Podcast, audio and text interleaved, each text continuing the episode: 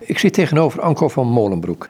Hij is auteur van een aantal boeken, onder andere Esau, hij is Edom, De Verborgen Strijd om het Koninkrijk en Dit zijn de dagen van Elia. Het zijn beide boeken uitgegeven bij uitgeverij Aspect in Soesterberg. Um, ja, ik heb je geïntroduceerd als, als schrijver uh, van een aantal boeken, maar daar gaan we het wel over hebben. Maar um, als ik de titel zie, dan denk ik van, oh help, wat ben ik nu in verzand geraakt. Um, waar gaan we het over hebben? Wat gaan we doen? Want de onderliggende lijn van deze dingen waar we het over gaan hebben, heeft heel sterk te maken met, ik ga maar een voorschrift geven vanuit Philo, van Alexandria. Die zei in een van zijn werken, zegt hij op een gegeven moment dat de mens werd op de zesde dag geschapen, omdat God van tevoren het huis wilde versieren, of de schepping wilde versieren, zodat de mens daar kon leven. Ja, dat is een mooie gedachte, uh, Joop. Uh, Dank je wel ook voor, voor de uitnodiging. En je zegt van waar gaan we het over hebben? Naar mijn idee denk ik dat we um, genoeg stof hebben om, om te spreken en dat dat ook, ook heel breed uh, kan zijn. Ik heb inderdaad uh, een, een, inmiddels een tweetal boeken geschreven, wat in basis een, een echt een, een bijbelstudie is. En ehm, vanuit de vraag van, die ik dan altijd heb als ik een tekst lees van waarom staat dat er zo en wat, wat is dan de essentie daarvan. En ik ontdekte ook in de, in de loop van het schrijfproces, het studieproces ook, dat er ook gewoon eh, patronen en, en lijnen zichtbaar zijn in de tijd. En je hebt het over Philo, die dan uh, zegt eerst het huis klaar en dan de inwoners. En dan is natuurlijk de vraag van hoe gaan die inwoners met het huis om? En uh, wat is uiteindelijk het, het doel ook van de schepping, zoals, uh, zoals de Heere God dat, dat, dat voorziet? En de vraag die je erbij kunt stellen is van, houdt God zich nog met deze schepping bezig? Of heeft hij de schepping aan zijn lot overgelaten? Ja, dat is natuurlijk ook een, een discussie die nog eens gevoerd wordt. Um, dat heeft ook met de, met, de, met de vraag te maken van, is God in de schepping? Of heeft hij inderdaad uh, heeft hij het gemaakt en uh, gezegd van, van um, het is verder aan jullie? En dat, is, dat heeft ook met de vraag te maken, is een mens geschapen naar het beeld van, van de eeuwige, van de Heere God? De rabbijnen zeggen dat ook zo mooi in de overlevering van, God is alomtegenwoordig, hij, hij is overal, hij kan niet ergens niet zijn. En op het moment dat hij een huis maakt, betekent dat hij zich teruggetrokken heeft. En je kunt er allerlei manieren over denken, dat snap ik wel. Maar voor mij fascineert dat om daarover door te denken. En, en dan te ontdekken van overal waar iets anders is, daar kan God niet zijn. Ik, ik snap dat dat voor, lezen, voor de luisteraars best wat, wat filosofisch kan zijn. Maar tegelijkertijd zeggen de rabbijnen ook in de overlevering van... Maar dat betekent dat hij wel in de ruimte om ons heen is. Dat hij aanwezig is.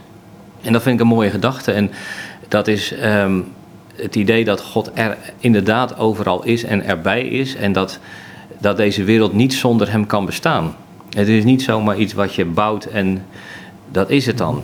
Er zit een ziel in, in de, in de schepping, in de mens. En dat is de verbinding ook met, met het goddelijke, met, het, met, met, met de eeuwige zelf. Blijft hij betrokken bij de schepping, ook bij jou als schepsel? Ja, gelukkig wel. Daar ben ik ook van overtuigd. Dat is ook gewoon wat hij in zijn woord zelf zegt. En zijn betrokkenheid heeft hij in, in allereerst en in het bijzonder laten zien, ook juist in zijn zoon, uh, de Heer Jezus Christus. Die als een heiland in deze wereld gekomen is. En, en de schrift zegt van hij is het uitgedrukte beeld van, van Gods zelfstandigheid, Hebreeënbrief. Dat is ook zo'n zin waar je zo lang over na moet denken. Van wat betekent dat dan? Maar een ziel heeft een lichaam nodig. Een inhoud heeft een vorm nodig. Die twee die gaan niet los van elkaar. En uit de vorm kunnen we iets van de inhoud zien. En zo is het ook bij, bij, bij de Heer Jezus Christus, die het uitgedrukte beeld is van, van, van God die we niet kunnen zien.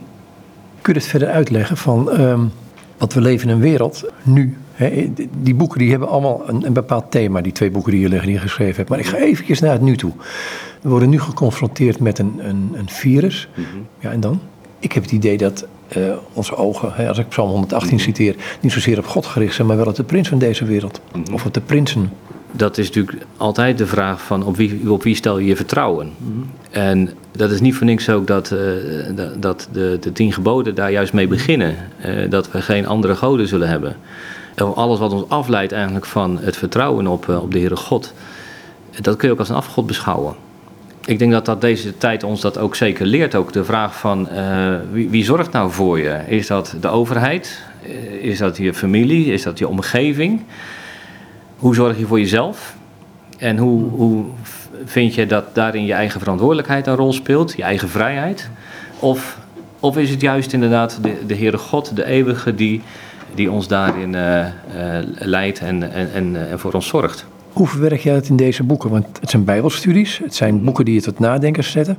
Mm maar vooral, dat, dit zijn de dagen van Elia, want het is net verschenen. Hoe verwerk je dit erin? Want dan zou je toch naar die basis terug moeten. Wil je daar een vervolg aan moeten geven? En dit zijn de dagen van Elia. Er is een liedje over geschreven door Robin Mark. Of een lied over uh, geschreven door Robin Mark, uit Engeland, als ik het goed heb. denk ik, ja, um, het, het, geeft mij meer vraagtekens dan, dan antwoorden. Het is andersom. Juist door deze studie kom ik tot inzichten. Mhm. Als ik over Ezou uh, even begin, dat is in 2016 eh, uitgekomen, maar ik heb er ook, ook net als voor over dit nieuwe boek ook gewoon vier jaar over gedaan om, het, mhm. om het te schrijven. Uh, omdat schrijven en studeren bij mij wel samengaat. En wat ik, ik, ik las op een gegeven moment Genesis 36. De rabbijnen zeggen van in Genesis zit de hele wereldgeschiedenis al in een notendop als het ware verpakt. En als je Genesis 36, dat, zijn de, de, dat is de Toledot, dus de, de, de geslachtsrekening van Esau. En als je dat leest, daar staan namen in, opsomming, er staan hier en daar wat, wat uh, uitleg bij. Maar eigenlijk is de grote vraag van waarom staat dat hoofdstuk in de Bijbel? Als dat bij moet dragen aan, uh, aan de heilsgeschiedenis uh, en aan het, het heil van, van zowel je persoonlijk heil als van de volken, wat voor betekenis heeft dat dan? Ja, dan, dan ga ik op zoek. Dan, dan wil ik gewoon weten van hoe, hoe, hoe zit dat hoofdstuk in elkaar. Wat, uh, en ik ga dan niet beginnen met allerlei bijbelverklaringen. Die overigens, daar heb je bij Genesis 36 helemaal niks aan. Want het is allemaal gewoon, nou ja, het zou zo kunnen zijn. Mhm. Maar wat ik ontdekte, is dat, dat er ontzettend veel structuur en compositie in de bijbeltekst zit. Ongetwijfeld zullen anderen dat al vaker hebben ontdekt en zeggen, maar voor mij was dat echt nieuw dat je ziet dat zo'n hoofdstuk gewoon heel gestructureerd is opgebouwd en dat er dus in de compositie ook al betekenis ligt. dus die woorden zijn, de zinnen, de, de, de teksten zijn bewust op die plek geplaatst. Dat heb ik helemaal uit zitten diepen en uit zitten werken. En dan ontdek je dat eigenlijk zo'n hoofdstuk eigenlijk ook gewoon een profetie is. En een, een voorafschaduwing van uh, de wereldgeschiedenis bezien door de ogen van Esau. En Esau is, is, is het type van de mens zonder God, de natuurlijke mens. Waar Jacob juist de geestelijke mens is. Hè? Ja, Esau is van het hier en nu, Jacob is van de wereld die komt. Nou ja, dan, dan, als je dat ontdekt, dan kun je dat eh, verder uitwerken en dan ontstaat er dus een beeld van ehm, wat is dan de plek van de Edomieten in deze wereld. Je ontdekt dat de, uh, de, de oordeelsprofetieën over de volken in de verschillende, bij de verschillende profetieën, dus Jeremia, Ezekiel, uh, Obadja, gaat altijd over de strijd tussen Jacob en Esau. Gaat altijd tussen Israël en Edom. De tweede lijn in het boek is dat je uh, de, te maken hebt met Amalek, de kleinzoon van Esau. De vertelling van Amalek in de schrift volgt ook een vast patroon. En zeven stappen die in de, in de schrift steeds op één, gevol, op één volgend zijn geschreven. Nou, dat heb ik verder uitgewerkt. En dan ontstaat er dus ook een soort metahistorisch perspectief vanuit de schrift. Daarom zeg ik van door studie, door het uitzoeken, ontstaat vanzelf ook inzicht in wat er in deze tijd gebeurt of wat, wat er, uh, wat er in, in het denken van mensen ook, ook plaatsvindt. Maar kun je dat van Amalek nog verder uitleggen? Want ook de rabbijnen hebben daar veel over geschreven. Um, maar kun je wat verder uitleggen waardoor ik begrijp wat je nu zegt? Mhm het patroon wat, wat de schrift uh, laat zien, wat ik overigens ook niet helemaal van mezelf heb, maar ook, ook uh, je ontdekt soms ook bij anderen, maar ik heb het wel verder uitgewerkt. En is dat er, uh, dat er eigenlijk steeds, steeds, zeven fases worden beschreven. En eigenlijk kan je het mooiste zien aan het boek Exodus, waarin al die zeven fasen zitten. We lezen altijd een opdracht van ga, ga uit, ga op weg enzovoort. En Israël krijgt de opdracht om uit Egypte te gaan naar Canaan. En dan krijgt Farao echt om laat mijn zoon ook gaan tweede fase is dan de fase van de ontsnapping. Hè, dus door de Rode Zee heen. Vervolgens zie je altijd een, een fase van, van gebrek en vervulling. Het volk heeft honger en dorst. Eh, er komt manna, er komt vlees, water. Ze, ze moeten op iemand leren vertrouwen. Zo, dus zo zou je het kunnen zeggen, ja. ja. He, dus, het is net zelfs de geboorte van een mens en het leven van een mens zou je op die manier kunnen, kunnen zien een fase van verzoeking waarop de vijand, hè, dan zie je dus dat die, die confrontatie met Amalek in de woestijn plaatsvindt. Dat is ook zoiets. Ineens komt er Amalek ook. En zoals Exodus dat tekent, is het alsof het volkomen normaal is. Dat kon ook niet anders dan daar. Ik ontdekte dus ook dat, dat Amalek door uh, Biliam genoemd wordt de eerste van de heidevolken. Terwijl Israël de eerste van alle volken is, hè, de eerstgeborene. Dus je ziet hier direct de clash tussen de eerstgeborene van, van God en de eerste van de heidevolken. Dus dat, is de strijd die getekend wordt. Strijd en overwinning, hè, dus Amalek die, die, of, uh, ja, die overwonnen wordt door Jozua. Vervolgens is, de, is de, de zesde fase de fase van de zegening. Want na Amalek komt Jethro, de priesterkoning van Midian. En hij zegent in feite het volk. En vervolgens krijg je de belofte van een, uh, een huis en de verbondsluiting. En dan zie je dus dat in Exodus dat de, de, de, de tien geboden gegeven worden als de verbondsluiting. En dat de tabernakel gebouwd wordt als een huis. Nou, in die zeven fases, die kom je op verschillende plekken dus tegen. Uh, het begint bij, bij Abraham, eigenlijk al zelfs in het paradijs, maar dan in de omgekeerde volgorde. Bij Abraham, bij Israël, bij David, hè, daar kom je ook Amalek naar voren. Want ik ben gewoon nagegaan van waar komt Amalek naar boven. Haman als nakomeling van Amalek. Maar ook juist in de tijd dat de Heer Jezus op aarde is, dat hij de verzoeking door Satan is in feite eenzelfde patroon. Dat volgt ook Matthäus 4, volgt precies hetzelfde patroon. Neem maar bijvoorbeeld, uh, uiteindelijk krijg je de bergreden. Die wordt afgesloten met die gelijkenis over het huis. Dus verbond en huis worden daar ook uh, op die manier in verwerkt. En dan kom je bij de laatste fase, waar we denk ik nu ook in aankomen. Dat, dat gaat over de, de, de strijd tussen Gog en Magog, de samenvoeging van, van Jozef en, uh, en Juda in, in het boek Ezekiel. En ook dat Ezekiel volgt ook precies hetzelfde patroon. Ook daar kom je die zeven stappen van hoofdstuk 33 tot, uh, tot uh, 48 geloof ik, kom je daar tegen. Ja. Ja, en dat, dat is voor mij, als je dat één keer ontdekt, een, een, een stappen, is, is leuk. Twee keer is mooi, maar bij drie praat je toch echt over een patroon. Mm -hmm. En dan zie je dus een, uh, vanuit Ezo en Amalek zie je een heel patroon in de wereldgeschiedenis ontstaan, wat steeds her, herhaalt, maar wat elke keer weer een andere betekenis heeft. Elke keer weer een andere inhoud, als het ware. Maar waarbij Israël toch heel over het algemeen betrokken is, of de Joden? Altijd, altijd. Uh, het gaat altijd om het volk van God. Mm -hmm. En bij, bij Abraham gaat het over het, het, het land wat in belofte in bezit genomen mag worden. Bij Israël gaat het over het volk, gaat het over Gods wet ook. En bij, bij de Heer Jezus gaat het over Gods zoon. En uiteindelijk zal het ook gaan over Gods stad, over Jeruzalem. Hè? De, de, de, die nieuwe Jeruzalem dat neerdaalt uit de hemel. Ook dat is weer een huis. Ja. Dan zijn het over het algemeen profetische vergezichten. Mag ik het zo, zo noemen? Ja. Um, ik heb ooit gefotografeerd van een opname waren we in de Sinai-woestijn. En dan kun je prachtig bij de ochtend, maar ook bij de avond, die bergketens fotograferen. Ja, ja. En dan zie je een bergketen voor je liggen. Ja. Alleen het probleem is vaak dat je niet weet hoe ver de eerste berg verwijderd is van de berg die erachter ligt, die gewoon hetzelfde plaatje plat lijkt. Dus soms zijn dingen chronologisch lijken op elkaar te kloppen, maar soms ligt er een, een tijdsbeeld in dat je denkt van ja jongens, waar hebben we het over? Dat klopt ook. Daarom moet je ook heel goed, uh, goed lezen vaak in de schrift om die verschillende bergtoppen te ontdekken. Mm-hmm. Een, een voorbeeld is natuurlijk in Lucas 4, het begin van de bediening van de Heer Jezus, spreekt hij in de, in de synagoge en dan leest hij uit de, de, de boekrol van, van Jezaja. En dan zegt hij van, um, de doven zullen horen, de, de blinden zullen zien, en lammen zullen lopen. En, en, hè, en dan vervolgens, het is het jaar van het welbehagen van de Heer. En dan stopt hij en dan zegt hij van, heden is deze schrift in uw oren vervuld. Maar als je in de tekst zelf leest in Jezaja, ik meen dat Jezaja uh, 63 is uit mijn hoofd, maar uh, dan staat er nog achter niet alleen het jaar van het welbehagen, maar ook de dag van de toren. Alleen dat stukje wordt dus blijkbaar nog niet vervuld in, in de tijd van de Heer Jezus. En dat zijn twee van die bergtoppen die door goed te lezen en goed schrift met schrift te vergelijken, kun je die gaan ontdekken. En zo is het ook met, uh, met, met Esau, met Amalek. Ook dat zijn inderdaad allemaal bergtoppen. Die als je het patroon gaat zien, dan ga je die bergtoppen ontdekken. Ja. ja. Zo ontdek ik dus eigenlijk dat je in de geschiedenis, in de wereldgeschiedenis, dus zo'n zo zevental van die bergtoppen hebt. Is het dan ook zo dat je, dat je een aantal principes ontdekt? Ja, ik ben opgegroeid in de, in de gemeente. En een van de punten die ik. Ja, dan word je natuurlijk ook, ook grootgebracht met, met, met dogmatiek, met systemische, systematische theologie. En ik heb er op een gegeven moment eigenlijk voor gekozen om in het studeren in de schrift, om dat los te laten. Niet zozeer van het is niet waardevol of het is niet waar. Maar het helpt mij op dit moment niet om open en onbevangen naar een Bijbeltekst te kijken.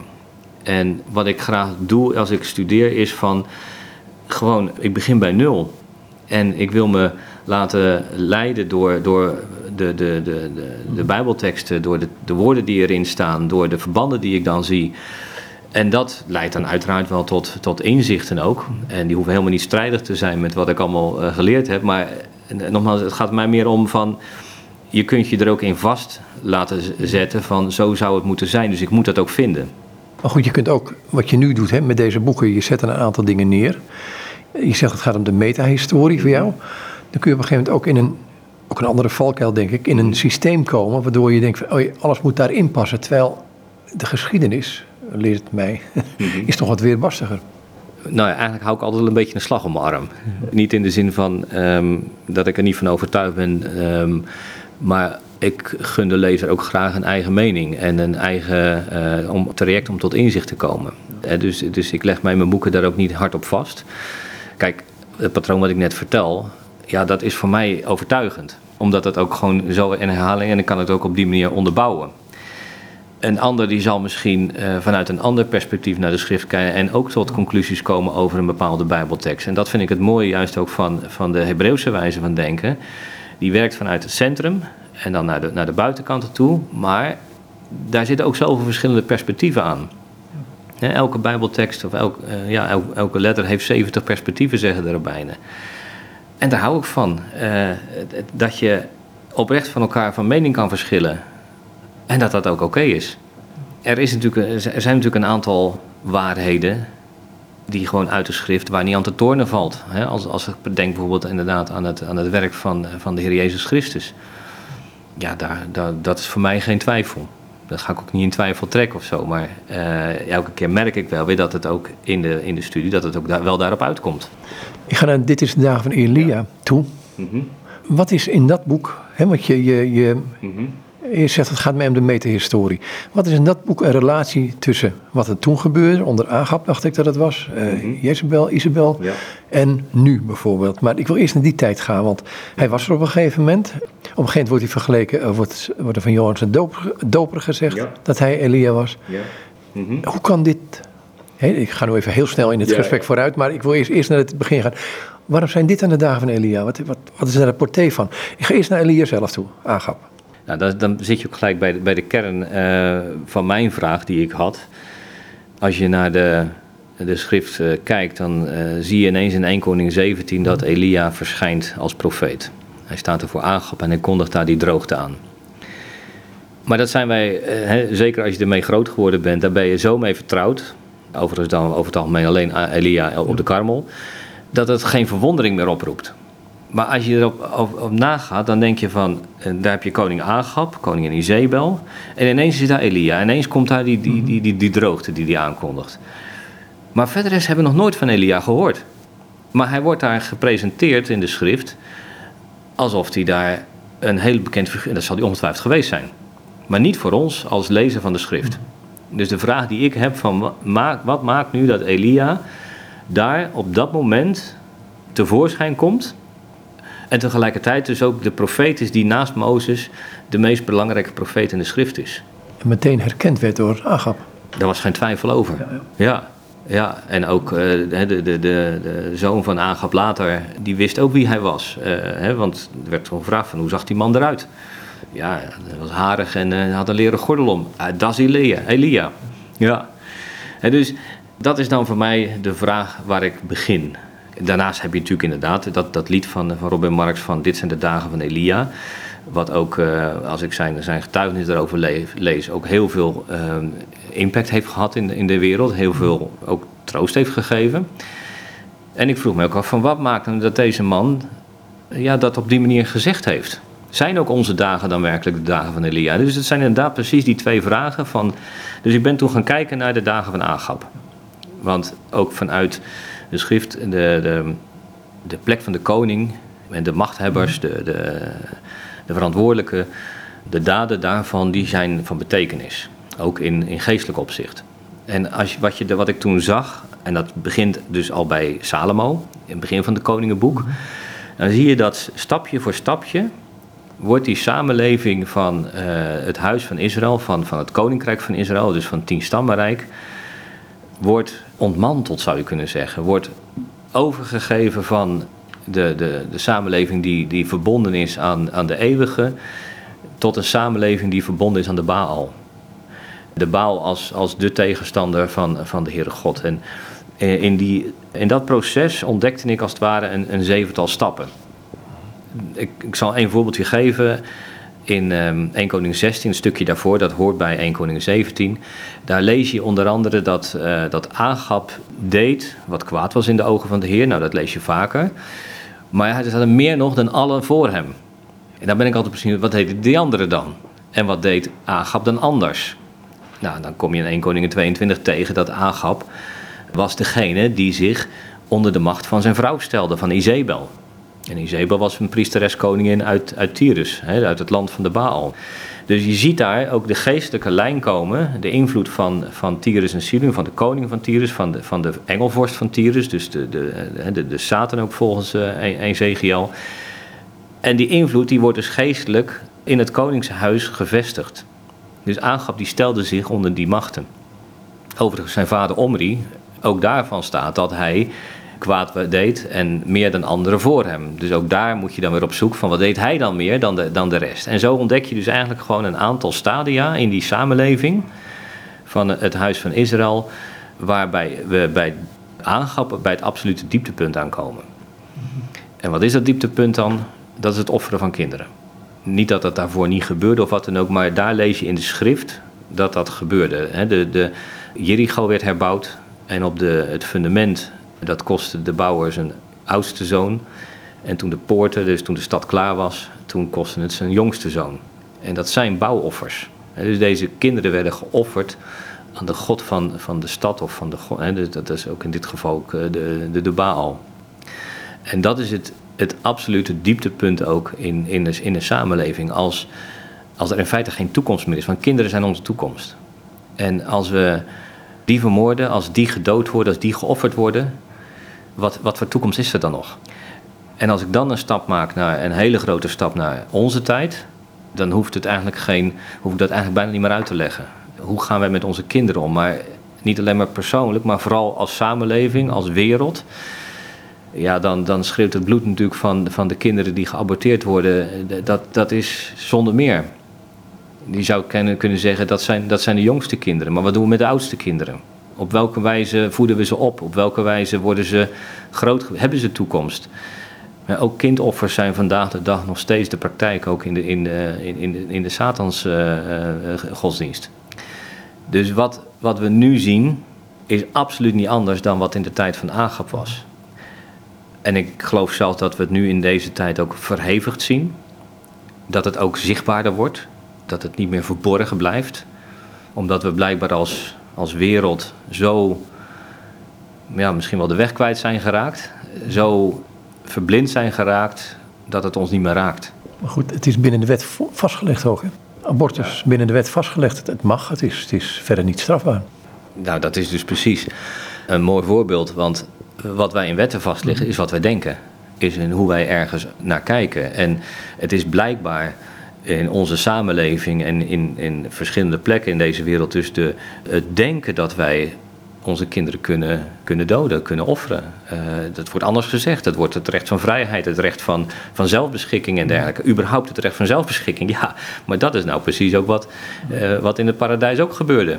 van, je moet niet denken dat wat God zei dat dat klopt maar je, als je ervan eet, dan, heb je gewoon, uh, dan ben je net als God. Dan heb je het zelfbeschikkingsrecht. Dus het is elke keer hetzelfde denken, hetzelfde patroon die we in de schrift gewoon terugzien. Nu heb je het over, over kindoffers, maar wat zijn die andere zeven stappen? Want dit is, dit is, dit is in extremo. Ja. Uh, wat zijn die andere stappen? Ik uh, identificeer vijf stappen. En dat begint bij koning Salomo, bij de verdeling. bij, bij Salomo, na Salomo, wordt het, het eenheid van het rijk verbroken en er wordt in twee delen gesplitst. Het twee-stammenrijk en het tien-stammenrijk. Die verdeling is, is, die zet zich voort in allerlei verbanden van die samenleving van het huis van Israël. Tot uiteindelijk dat Elia op de berg Karmel staat en dan vraagt hij: hoe lang hink je nog op twee gedachten? Dus ook de gedachten worden verdeeld. Hè? Dus de mentale segregatie heet dat met een mooi woord. De, de polarisatie, hoe je het maar noemen wil. Dat is het doorbreken van de orde van God. Dat is de eerste stap. En dat is niet van de een op de andere dag. Hè. Daar, daar gingen in Israël ook uh, tientallen jaren overheen voordat dat gebeurde. Maar uiteindelijk leidt dat tot een andere manier van denken, tot een omgekeerde manier van denken. De tweede stap die je ziet is dat er tegelijkertijd een omgekeerd proces plaatsvindt van, van, van binding. Van, ehm, eh, hè, want als je iets, iets doorbreekt, moet komt er iets voor in de plaats. En wat, wat komt er dan voor in de plaats? Hoe wordt het verlangen van mensen vervuld? Hè, verlangen is gevolg ook van verbreking.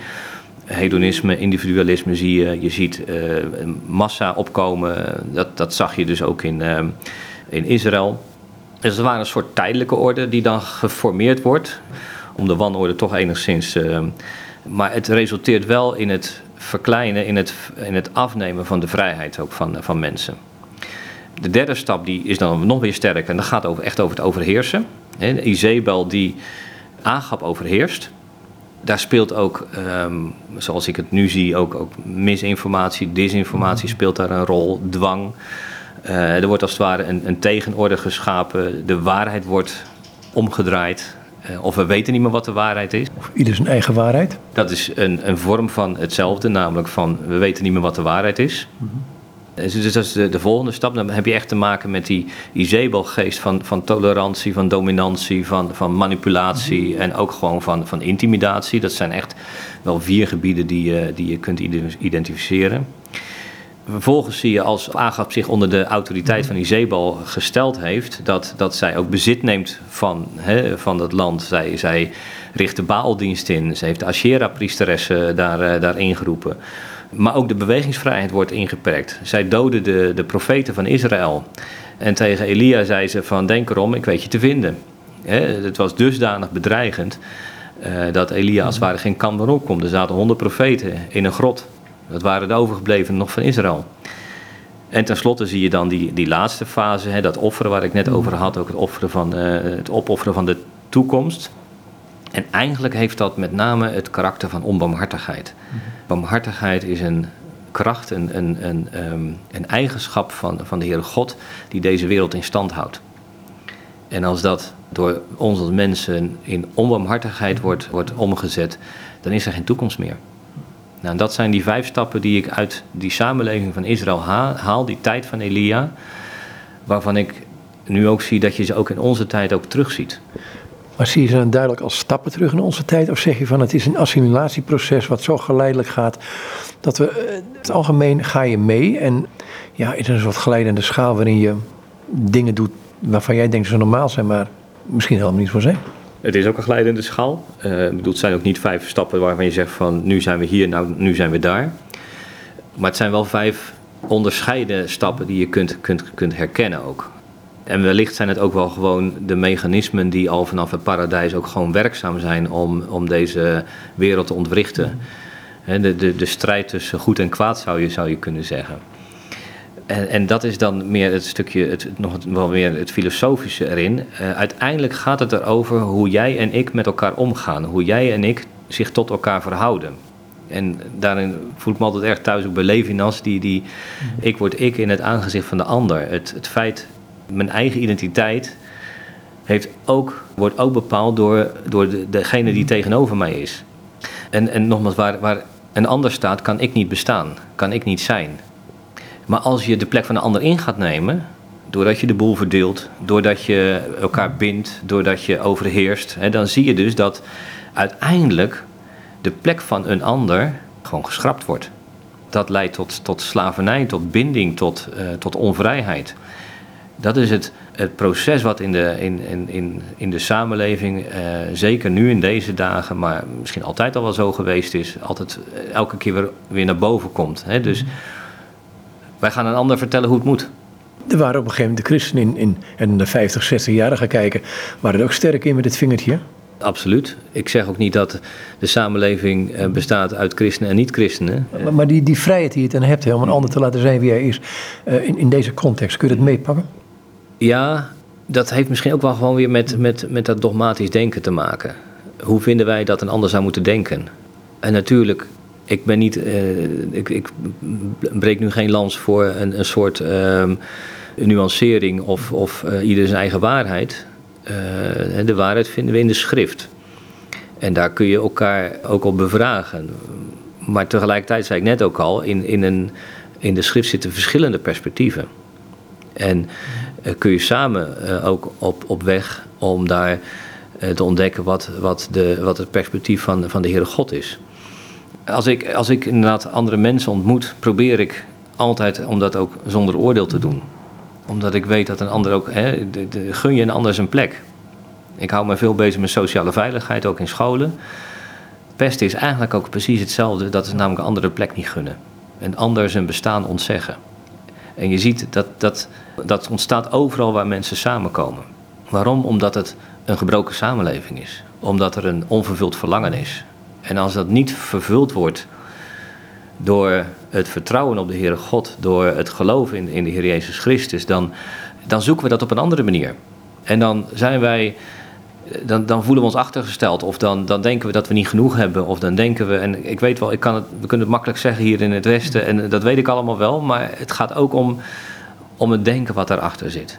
Want ook iemand die niets heeft, kan een ander iets gunnen. En dat gaat dus om de grondhouding daarin. In de wetenschap dat alles wat we hebben ook gekregen is. Van je eten en drinken tot, tot überhaupt je leven. En dat vind ik, het, vind ik ook het, het dat is echt anders denken. Dan gaat het niet meer over, zelfs niet over uh, de verhouding tussen ik en jij, hè, zoals ook Boeber ook, ook dat, dat zegt. Uiteindelijk gaat het zelfs over de, de vraag van um, dat Jezus zegt van ik voor jullie. Niet dat hij zich in, in onze plaats, ja, wij hebben ons, onze plaats gesteld, maar niet dat wij er niet meer mogen zijn, maar juist doordat hij zich in onze plaats stelde als mens, mogen wij er zijn en kunnen wij er zijn. Kunnen wij de mens worden die hij graag wil dat worden, om het zo maar te zeggen? Absoluut. De, de, de, de Bijbel zegt, eh, de Hebreeënbrief, dat, dat Christus is het uitgedrukte beeld van Gods zelfstandigheid. Ik heb heel lang zitten denken en zoeken van, wat wordt daar toch mee bedoeld? Hoe moet ik dat, me dat nou voorstellen? En God is een geest, hè? dus we kunnen hem niet zien. We weten niet eens zoals, als het ware waar hij is. Maar hij is er wel. En wij zien hem doordat we naar Jezus kijken omdat Hij zich als het ware in de vorm van ons mens zijn gegoten heeft, zodat wij ook God kunnen zien. En wat Hij van ons vraagt van wil je op dezelfde manier gaan denken en doen als ik, en dan beantwoord je aan je doel. Ja, dat, en dat vind ik het mooie. De, de, wat ik van, van Wijnrep ook, ook geleerd heb, is juist die verbinding tussen, tussen uh, inhoud en vorm, tussen ziel en lichaam een lichaam of een, een ziel, een, een, een inhoud heeft een vorm nodig. En wij scheppen die vorm door het te zeggen, door er woorden aan te geven. Dat is ook zo mooi en daarom, daarom staat er ook van God schiep, hè, hij sprak en het is er. Want als, het niet, als er wel gesproken wordt, maar het is er niet, dan zijn het ijdele woorden. En bij God zijn geen ijdele woorden. En dat zijn ook allemaal die, er gaan, gaan zoveel praktische zaken ook een leven spelen in je, in je ja, een rol spelen in je leven. Hè. Als, als het gaat dus over woorden, dan, dan zegt spreuken, spreuken van eh, laat uw woorden weinig zijn en met zout besprengt. Uh, met andere woorden, ze, moeten wel hun werking hebben. En als je iets zegt en je doet het niet, we weten allemaal, dat is onbetrouwbaarheid. Dus ook in mijn dagelijks leven, ook als, uh, als, als schoolleider in het onderwijs, zijn dat hele wezenlijke uitgangspunten. Maar die heel diep hun wortels hebben, juist ook in het, in het, uh, in het denken van de schrift. Nou ben je betrokken, ik ga even naar die kant scholen toe. Betrokken bij het, het onderwijs in, in uh, Zeeland, dacht ik hè? Ja. Want je, je bent daar een interim bestuurder van een scholengroep in, in Zeeland. Dan ga ik even in deze tijd terug, want ja. het zoomt om je heen, en het zal nog een tijdje om ons heen blijven zoomen, is dat virus. Mm -hmm. En hoe je daarna kunt kijken en hoe je daarmee om kunt gaan, ook in alle nuchterheid. Maar die nuchterheid lijkt soms weg. Ja, dat ben ik met je eens. Ook, ook de, de, de, ja, we zijn heel gauw bang. Ik heb ook wel de indruk dat het ook wel, uh, wel een beetje in stand gehouden wordt. Ja, ik, ik ben inderdaad uh, interim bestuurder van een scholengroep in Zeeland. En um, nou ja, dat was ik net een half jaar toen, toen de coronacrisis uitbrak. En wat doe je dan? Hè? Dat, en dat hoef ik gelukkig niet alleen te doen. Ik doe het ook samen met, met collega-bestuurders. Maar voor mij was wel heel duidelijk van eerste is van dat we gewoon de nuchterheid moeten houden. dus uh, niet in paniek raken, uh, niet, uh, niet de angst aanwakkeren, maar wel gewoon je verstand gebruiken en doen wat moet gebeuren. Dat was die, waren die eerste paar weken waren moeilijk. en dat was heel intensief, ja. ja, ja. En um, de, de, het tweede wat ik daaraan aan koppel is, wij moeten het ook met elkaar volhouden. Ik ben thuis in de gedragsbiologie, ben, ben gedragsbioloog. Dus dat heeft, dat heeft altijd te maken met stress, met, uh, met hoe ga je om met je omgeving, met het onbekende wat op je afkomt. Zeker in die eerste weken was dat heel intensief om, uh, om te zorgen dat, uh, dat we focus hielden op van wat moeten we wel doen, wat doen we vooral niet. En hoe zorgen we gewoon dat we het lang volhouden. En dat, uh, dat was ook mooi. Was ook, ook, je ziet ook gewoon dat het in de scholen ook, ook werkt. Dat als mensen het vertrouwen hebben dat, er, dat we de goede dingen doen. En dat, daar heb ik natuurlijk ook veel over gecommuniceerd. Van, niet alleen maar van dit is wat ik, wat ik nu voorzie maar ook wel, eh, en daarom gaan we dit en dat doen. Of vraag aan jullie juist om dat en dat niet te doen. Ja, om je echt... Kun je het gewoon eh, heel praktisch maken, want dit, dit, zijn, dit zijn vaagheden. Ja, in het onderwijs, uh, daar ligt, ligt ontzettend veel op ons bordje. Heel veel wat er in de samenleving uh, niet goed gaat, dat moet in het onderwijs dan, dan opgepakt worden. En als je in basisonderwijs, het is niet voor niks basisonderwijs, hè, daar moet je gewoon leren lezen, rekenen, schrijven. Um, gewoon het stukje discipline opbrengen om, om, om te leven. En een van de punten die ik gezegd heb van uh, schrap nou even alle ballast, misschien ook wel alle leuke dingen op dat moment. Uh, dat hoeft ook helemaal niet. Je hoeft daar niet druk om te maken, maar richt je gewoon op het noodzakelijke wat er moet gebeuren om die kinderen goed onderwijs te geven. Dat is één. Het tweede, wat ik zei van doe alleen het noodzakelijke zodat je het ook langer vol kunt houden. Ik had bijvoorbeeld een collega die, die ging op een gegeven moment, we gingen online lesgeven en die maakte zo'n negen filmpjes op een dag. En die zei na twee weken van ik hou dit niet vol. Hm. Ik inderdaad ook de vraag gesteld van wie moest je dat dan? Want dat moest namelijk niet van ons. als je dat één of twee keer op een dag doet, dan vind ik het al, vind ik het al fantastisch. Met de directeur heb ik ook afgesproken, hebben we gewoon samen gesproken van wat, wat zijn de voorwaarden waaronder we online lesgeven. Want dat is een totaal andere manier, een hele andere eh, context ook. Leerlingen die thuis zitten, collega's die thuis zitten en dan samen ben je toch een klas. En je gaat dan kijken van wat geeft die kinderen structuur. Dus we hebben gewoon afgesproken van er zit een begin en een eind aan de dag. Je, komt, je logt s ochtends een keer in, je, maakt, je hebt het groepsgesprek dan online. Je, doet, gaat vervolgens de lessen geven. Nou, er waren collega's die waren gewoon de hele ochtend online. Uh, niet continu aan het lesgeven. Maar ik heb ook, ook leerkrachten gezien, ook bij de kleuters, die gewoon uh, met de hele groep online zaten of de juf voor het bord. En daar werd gewoon, gewoon les gegeven. En dan werd er om 12 uur werd er gezamenlijk afgesloten. En dan was de middag beschikbaar voor huiswerk, voor extra bijlesjes of wat dan ook, of de voorbereiding voor de nieuwe les. Wij merkten gewoon ook van, langer dan een ochtend moet je, moet je dat niet doen. Dan is het ook goed. Nou ja, dat, dat, doordat je het behapbaar maakt, uh, overzichtelijk ook voor collega's, uh, neem je ook gewoon een gedeelte van, van de onrust en de angst weg. En dat, uh, ja, dat, dat heeft gewoon heel goed, goed gewerkt ook en nog steeds. En dan de ventilatie? Ja, ja ik hou al van, van studeren, hè, dat, dat weet je inmiddels. En, um, dus ik, juist als dit soort dingen gebeuren, verdiep ik me ook, ook, ook in, in alternatieven. Ook in, dus ja, de, de, de, eh, de theorie dat het ook wel eens te maken kon hebben met, met hele kleine luchtdruppeltjes, uh, waterdruppeltjes, die, uh, die vond ik heel plausibel. Dus ik heb ook inderdaad al wel aan het begin van de zomervakantie met de installateur om tafel gezeten van wij moeten echt gewoon na de zomervakantie onze scholen in kaart brengen van hoe voldoet het aan, aan alle regels of, is het, of moeten we nog wat extra doen. Nou ja, na de vakantie bleek dat ook gewoon een opdracht te worden van het ministerie. Ja, dat, is ook gewoon je gezonde verstand gebruiken. En kijken wat je kunt doen om het zo veilig mogelijk te maken, dat moet je ook niet nalaten. Maar hoe hou je die angst bij je weg? Bij mijzelf? Ja, en ook, ook waar je mee omgaat. Want ik bedoel, ik, ik, ik, merk, ik merk in bepaalde situaties dat, dat ik reageer op. en ik wil niet reageren op, op hoe mensen doen, maar mhm. ik merk dat mijn gedrag dan bepaalt door de angst van anderen. En ik, dat wil ik in principe niet, maar ik heb ook geen zin er tegenin te gaan op, op een grove manier. Dat, dat vind ik zinloos. Um, maar hoe ga je ermee om? Nou, laat ik ook maar gewoon het voorbeeld geven van, uh, van hoe we daar in de scholen mee omgaan. Uh, op een gegeven moment mochten we natuurlijk weer naar school. Uh, ja, en dan, dan is de een daar, daar huiveriger voor dan een ander. En we hebben gewoon ook met, met ons directeurenteam afgesproken van dat mag ook gewoon. Ja, ook, ik had het net over ik en jij. Mm Dus waar, waar, ik, ik, waar een ander staat, kan ik niet zijn. Dat geldt hier ook in. Ik hoef geen oordeel te hebben of het terecht is of iemand bang is of niet. Het, het is gewoon zo. En dat is het uitgangspunt. En als jij twee weken langer nodig hebt om weer naar school te komen, dan gun ik je die ook. maak daar wel, hè, ik, geef daar wel kaders aan. Ik zeg wel van, we, doen het zo. Hè. Als jij uh, ook te maken hebt of in een risicogroep zit of wat dan ook, of je bent bang, uh, wat, dat mag. Over twee weken gaan we weer, spreken we elkaar weer, weer uh, en dan kijken we opnieuw wat, wat, wat verstandig is. Nou, het, het, praktijk is, is dat je de ruimte die je mensen gunt, de, de vrijheid om zelf keuzes te maken, dat, dat is autonomie.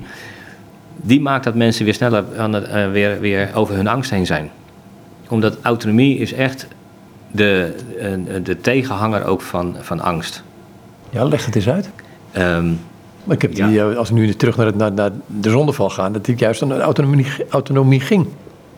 Ja, en daarna zag je de angst op ze ontstaan. Mm -hmm. Op het moment dat, dat Adam en Eva uh, een keuze maakten uh, en, en, ze ontdekten dat dat niet zo'n verstandige keuze was, die weliswaar wel verstandig maakte, toen, toen kwam er angst.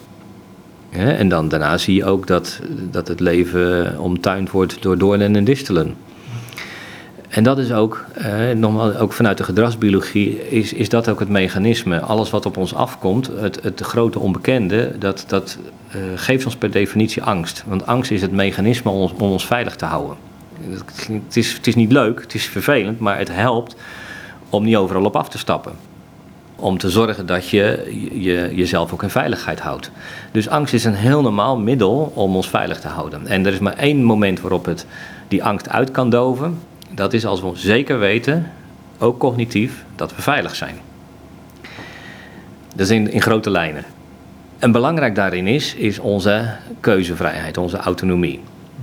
Die overigens altijd bestaat per definitie van grenzen, hè, zoals ook, uh, ook, ook Levinas ook, uh, ook aangeeft. Ook, ook, de grenzen van een ander kan dat zijn. Maar uh, dus, ook in de, in de literatuur is, is bekend de drie basisbehoeften, psychologische basisbehoeften van, van de mens. Uh, de behoefte aan, relatie, een hele wezenlijke. De behoefte aan autonomie, dus ook jezelf mogen zijn. En de behoefte aan, aan competentie, dus ook in staat zijn om een, bijdrage van betekenis te leveren. Dus er zijn, het kunnen kiezen en, er, en dat um, ook, ook uit kunnen voeren. En die drie basisbehoeften, die zorgen samen voor als je die volledig kunt van dat mensen gemotiveerd zijn, dat mensen ook zich veilig voelen en, en ook um, in feite veilig zijn. En nogmaals, de wereld om me heen is niet allemaal zo veilig. Die is, die heeft, dat, dat zijn de doornen en distelen. En dat levert dus per definitie die angst op. Nou, dus wat, wat, wat, ik, wat ik eigenlijk altijd ook wil doen is dat je zorgt dat die omgeving zo overzichtelijk mogelijk blijft zo, zo ook begrijpelijk is. Mm -hmm. Ook al zijn er nog heel veel dingen die onbekend zijn of op ons afkomen. En de, wat je, wat je in, in onze tijd dus nu ziet, is dat die behoefte aan relatie die wordt ondergraven. Ik geloof echt dat dat ook gewoon hele grote consequenties gaat, he gaat hebben. Uh, gevolgen van, uh, dus de gevolgen van de maatregelen. De autonomie wordt, wordt ingeperkt.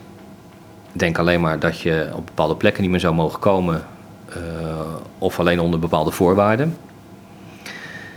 Terwijl die tegen alle rationele, eh, tegen de ratio ingaan in wezen. Bijvoorbeeld het buiten een mondkapje dragen, dus dat soort dingen. Ik noem er maar één. Ja, ja maar je ziet dus dat, dat, uh, dat de, de, opdracht om een mondkapje te dragen heeft niet zozeer te maken met voorzorgsmaatregelen tegen, uh, tegen het virus, als wel een middel gebruikt wordt om afstand te houden. He, dus uh, het, het, ziet er natuurlijk ook niet uit, iemand met een mondkapje op. Uh, daar, daar, wil je wel een beetje afstand van houden. Komt het toch op overheersing dan? Ja, ja wel, maar ook gewoon het aanwakkeren van, van uh, de, de angst voor elkaar. En dat vind ik wat anders dan voorzichtigheid, hè? begrijp me goed. Ik, ik, ik, ben een groot voorstander van voorzichtigheid, dat is logisch. Maar doe je het vanuit angst of doe je het vanuit je verstand? Ik denk dat dat een belangrijk, uh, belangrijk verschil is. Was het uitleggen? Je zei van de relatie, uh, de autonomie en? En competentie. Ja. En dus, dus het, uh, het, vermogen om iets tot stand te brengen, om een bijdrage van betekenis te leveren. Kun je het uitleggen hoe dat in gevaar komt? Nou ja, als je weer even terugkomt naar die vijf stappen, op het moment dat, er, dat jouw plek als het ware verdwijnt, hè, dat jij niet meer mag bestaan, kan je dus ook geen bijdrage van betekenis leveren of wordt in feite jou, de betekenis van jou als mens gemarginaliseerd. Dus daarmee ieder mens wil gewoon van betekenis zijn. Ieder mens, hè, dus, dus de, de, de, de benadering van Frankel ook. Hoe, wat houdt jou in leven? Is dat ik weet dat ik van betekenis ben voor een ander. Voor de ander. En waar dat gemarginaliseerd wordt of uitgevlakt wordt, ja, dat, dat noem ik pesten. Dat is gewoon het andere het bestaan ontzeggen.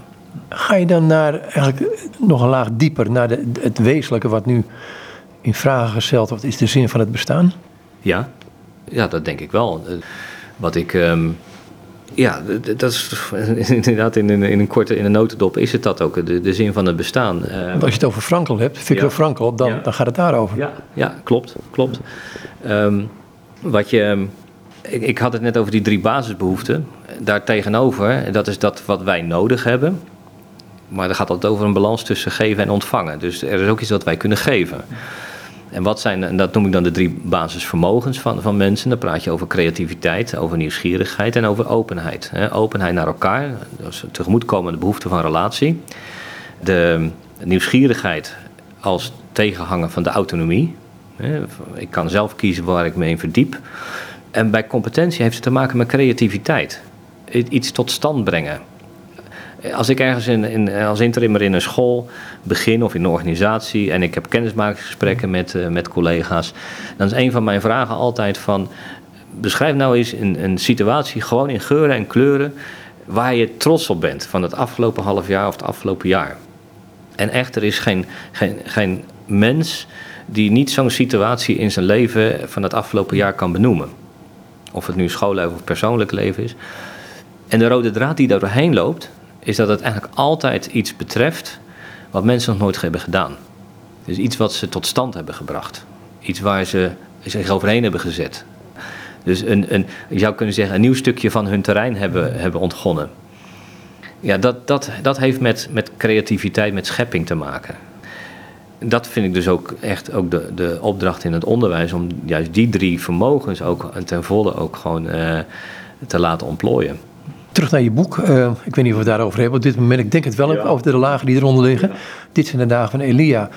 Zet het daarin eens weg. Want wat kan ik hiermee... Uh, hey, je zegt nu hele mooie dingen. En ander moet tot ontplooiing kunnen komen. Um, nieuwe dingen kunnen doen. Um, soms gewoon kunnen leven. Herkend kunnen worden door andere mensen. Maar de afgelopen tijd zijn tijden geweest ook... daardoor regelgeving mensen geen afscheid van stervenden konden nemen bijvoorbeeld. Uh, waar ik zeer nog steeds zeer plaatsen waar heel kwaad over kan worden, maar goed. Ja. Verliezen we daarin ook een stuk menselijkheid niet? Door dit allemaal maar toe te laten? Ja, dat denk ik wel. Mm-hmm. En je bent er niet door te zeggen van ja, dat zijn tijdelijke maatregelen of het is nu even nodig. Of uh, jij wilt ook niet dat je uh, je oude oma of je oude moeder uh, daaraan overlijdt en dat soort dingen. Want dat, dat, vind ik ook een vorm van manipulatie. Je leeft maar één keer. En daarom, juist omdat je maar één keer leeft, is de vraag van hoe doe je dat dan? En de, de Bijbel roept ons, de Heere God roept ons elke keer weer op tot terugkeer. Tot, tot terug naar de manier waarop Hij het bedoeld heeft. En juist die, die, die, dat leven, het leven, ons leven op, op, op aarde, is ook gewoon een tweestrijd. Innerlijk, maar ook om ons heen. En die, die tweestrijd die kom je overal tegen. Hè. Natuurlijk met een prachtige, omdat te spreken over de oude en de nieuwe mens. Um, maar die tweestrijd die is er overal. En uh, in die tweestrijd klinkt de roep van, van de Heere God van kom nou terug bij mij. Dan maak ik je weer tot één, tot, tot heelheid. Dat is, dat is de boodschap van Elia. De boodschap van Elia is terugkeer. Want hij zal de harten van de vaderen hè, verenigen met de harten van de kinderen in, in, in Malachi. Dus Mozes is, is de, de profeet die het heeft over, het, over de Torah, over het onderwijs. Dit is zoals de, de Heere God het graag wil dat we, dat we het doen. En Elia zegt, en ga het dan ook doen. Keer dan terug eh, en dan zul je ontdekken dat je weer tot heelheid komt. Ik denk dat dat juist in, in onze tijd, onze dagen, heel nadrukkelijk naar voren gaat komen. En dat, dat die vraag ook naar de, de gelovige komt van wat doe ik vandaag om, om die heelheid in de wereld te brengen. Dat vind ik voor mezelf ook altijd weer de vraag. Ik las laatst iemand die zei van ik heb twee dingen die ik me ochtends aan het begin van de dag afvraag. Hij was, hij was geen christen. Hij zegt van waar ben ik dankbaar voor en wat is mijn doel vandaag? Dat vind ik mooi. Want wie dankbaar is, kijkt op een andere manier naar het leven en stelt andere doelen dan wie dat niet is. Nou ja, dat, dat, dat is in ieder geval een duidelijke les die ik bij Elia ook, ook geleerd heb. Weer, opnieuw. Ja, ik ga, tot slot tot een uitleiding van je boek. Mag je wel lezen hoor. Um, vond ik mooi. Um, ja. Het, is, het boek is een bijbelstudie. Het zet je aan tot denken. Ik bedoel, er zijn een aantal uh, cela's, zoals jij dat noemt, van die mm. pauzestukjes ingebracht. Drie, dacht ik. Waarin je wat vertelt over de relatie naar de, hele, de huidige tijd. Het avondland, morgenland. Um, ook hoe mensen nu leven. We hebben we het over gehad. Maar um, uiteindelijk is de bottom line is een hele is een wezenlijke waar we het begin, mee over begon, waar we het begin van het programma over zijn begonnen. De schepping. God is deze schepping aan het maken. Hij is erbij betrokken. Hij wil. Die schepping is niet voltooid. Die gaat door. Ja, het is een reis. Hè? Um, ik had net even over dat patroon van, van Exodus, maar ook ons leven is op die manier. Wij begint, begint ook in de eenheid met, met, met onze moeder. En dan door uh, de, de uittocht, door de geboorte, komen wij in de woestijn terecht. In de woestijn van het leven. Er zijn zoveel beelden ook in het Nederlands die dat, dat al aangeven. De woestijn van het leven, de ballingschap, de, de tweeheid, de, de dubbelheid, het, het leven zonder God. En in dat leven, in die woestijn, in die 40 jaar tussen, tussen Egypte en Canaan, daar roept de eeuwige ons op om terug te komen bij Hem. Dus er is een hele persoonlijke component in dat ieder mens is een balling in deze wereld. En eh, ballingen worden naar huis geroepen. De vraag is wel van geef je daar gehoor aan? maak je de keuze om terug te keren of niet? En als je die keuze maakt, dan zul je ontdekken dat God een God van genade en van barmhartigheid is. Uh, dat hij een God ook van, van rechtvaardigheid is voor jezelf, voor anderen. Dat God het onrecht ook niet door de vingers ziet. Ook wat, wat je eh, aangedaan zou kunnen worden. Uh, maar dat er bij hem heelheid is en genezing. Ja, de keerzijde is als je die keuze niet maakt, dan blijf je dus ronddolen in, in, in, in de ballingschap. Dan word je zo'n zwerver zoals, eh, zoals Kain ook was. die, zei, die zei van ja, eigenlijk mijn, mijn zonde is te groot. Uh, ik, ik, ik, kan niet, ik kan niet meer terugkeren. En vervolgens was hij een zwerver op, op, op de aarde.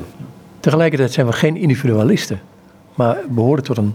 In ieder geval, we zijn geschapen, dus we zijn niet de toeval, maar we zijn geschapen, dus we zijn toch in relatie met geschapen.